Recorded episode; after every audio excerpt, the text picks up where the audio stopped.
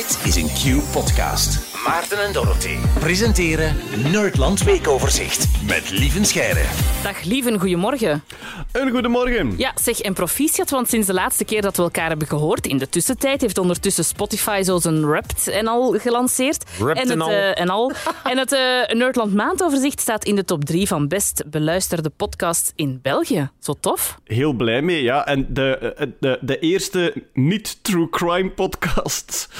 Want eh 1 en 2 zijn de kroongetuigen en de volksjury. Dus eh, true crime doet het fantastisch goed. Maar eh, wij staan eh, gezellig op de derde plaats en heel blij mee. Absoluut. Ja, en ik vind het ook straf omdat het toch soms heel specialistisch gaat. Hè? Dat jullie bijvoorbeeld heel diep in de fysica duiken of zo.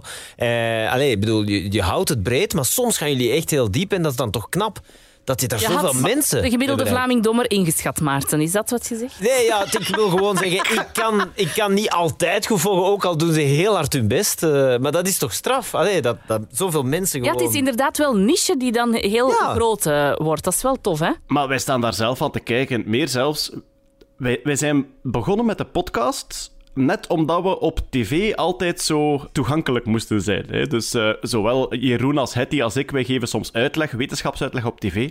En dan zeggen ze altijd van ja, hou het, hou het kort en hou het oppervlakkig. En we dachten van ja, maar we willen ook een keer een echte uitleg doen. Laat ons een podcast maken voor de mensen die het echt allemaal willen weten. En tot onze complete verbazing eh, trekt dat nu inderdaad een breed publiek. Ja? Maar wij zijn daar heel, heel blij mee, ja, absoluut. En ook heel blij natuurlijk met het eh, kleine broertje van het Nerdland Maandoverzicht, het Weekoverzicht. Ook een mini-podcast, maar natuurlijk ook elke dinsdag hier op de radio.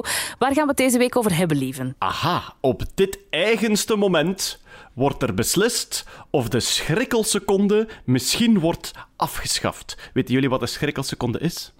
Nee, Ja, vaag. Dat zullen we straks samen ontdekken. het is een kwestie van tijd. Sorry. Een goedemorgen. De schrikkelseconde, daar gaan we het over hebben.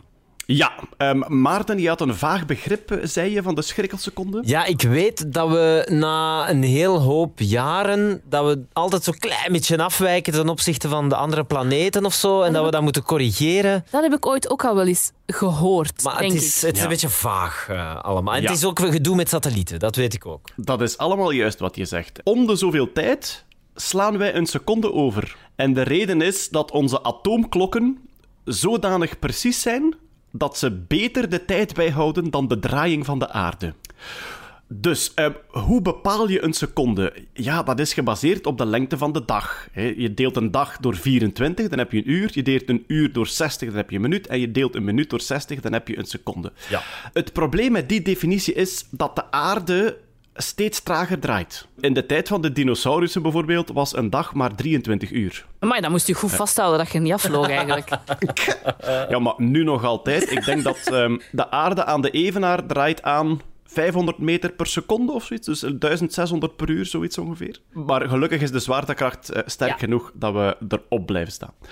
Maar dus als je je seconde definieert als een deeltje van een dag, maar die lengte van die dag verandert, dan wil dat zeggen dat eigenlijk de lengte van je seconde mee verandert met de lengte van de dag. Dat is niet zo praktisch.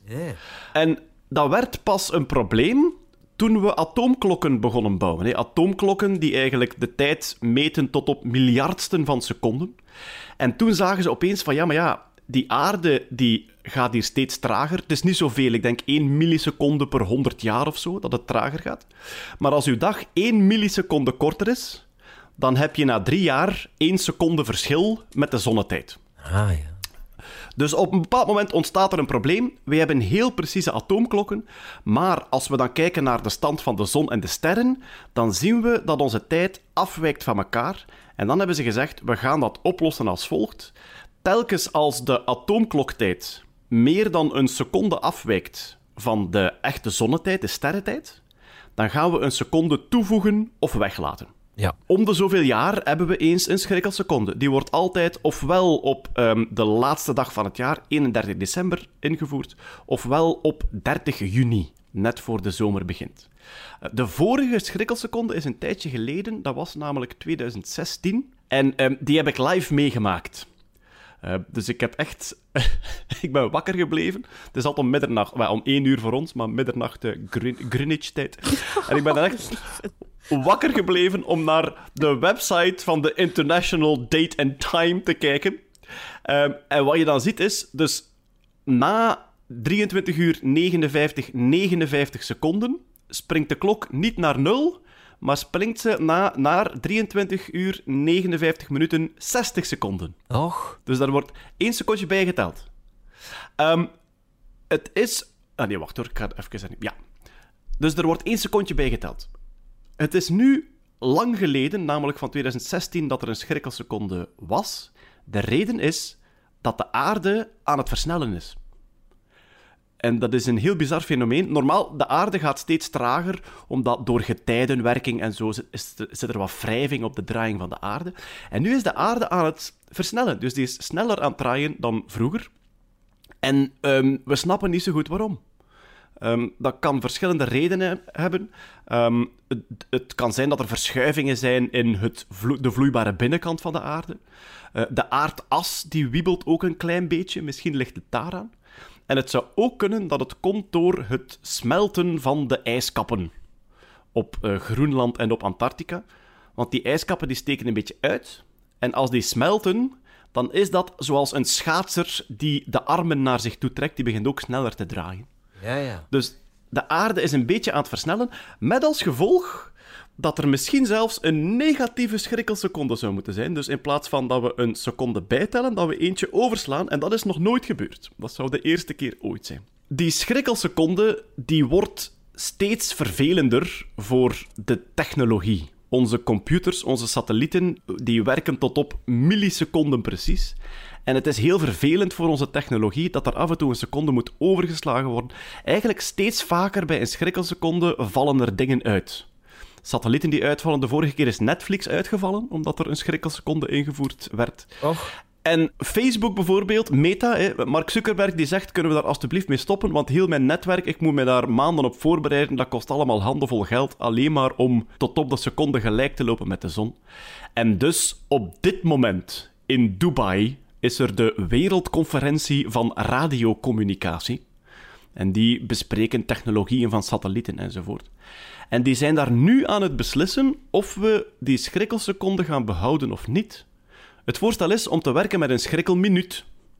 Dus in plaats van om de drie, vier jaar een seconde over te slaan, van 100 jaar te wachten en dan een volledige minuut bij te tellen. Dat doet er mij zo'n beetje aan denken als toen ik uh, gewoon op school mijn huiswerk aan het uitstellen was. Dat ik dacht van, ah, ik doe dat volgende week wel. En nu is het van, ah, tegen dan zijn we wel dood. Nee, zo die vibe. Ja. ja, maar ook, wat is eigenlijk het belang om exact tot op de seconde gelijk te lopen met de zon? Tot op de, Ja, ja. minuut, is, tot op de minuut is eigenlijk ook wel goed. Er zijn gek genoeg twee tegenstanders van het afschaffen van de schrikkelseconde. En dat zijn Rusland en het Vaticaan. Oké, Ehm, en waarom? ja. Ehm, Rusland eh, is aan het tegenduwen en niemand snapt precies waarom. Het is wel zo dat de Russische satellieten die hebben software aan boord om heel vlot schrikkelseconden in te voeren. En Amerikaanse satellieten hebben dat niet. Dus misschien, misschien denken zij gewoon... Ja, maar ja, laat het maar lekker mislopen bij die Amerikaanse satellieten als er schrikkelseconden zijn en laat het bij ons maar allemaal goed gaan. Het is al een tijdje de strategie van Rusland. Hoe meer er misloopt in het buitenland, hoe beter voor ons. Hè? Dus misschien heeft het daarmee te maken. En het Vaticaan, goh ja, dat is gewoon... ehm, die, die vinden het dan symbolisch belangrijk dat de mensentijd en de sterrentijd eh, gelijk loopt. Ehm, bon, laat, ergens kunnen we blij zijn dat ze al aanvaarden dat de aarde rond is. Dat is al... Ehm, maar de, het Vaticaan heeft wel een grote geschiedenis met agendas, eh, kalenders en sterrenkunde. De, onze huidige jaarkalender is de Gregoriaanse kalender. Dus die is ingevoerd door een paus. Hè. Dus vroeger was, eh, was het Vaticaan het opperste gezag in onze contraien. En konden zij zeggen, tijdmeting en zo, we gaan dat zo doen. En zij hebben nog altijd ehm, eh, astronomen in dienst. Dus priester-astronomen, die echt de sterren observeren om de zonnetijd bij te houden enzovoort. En de opperpriester-astronoom van het Vaticaan, die zegt dan van... Ja, maar ik vind het toch symbolisch belangrijk dat eh, de zonnetijd en de mensentijd zo goed mogelijk samenloopt. Ja. Ja, het is een eh, zeer ingewikkelde materie voor ja, één seconde. Voilà, is alweer voorbij. Dus eh, ja, het is eh, het- Ja. fascinerende materie. Dankjewel, lieve Scheire, en heel graag tot volgende week dinsdag. Yep, tot dan. Dit was een podcast van Q-Music. Q-music. Wil je meer? Wil je meer? Kijk op qmusic.be.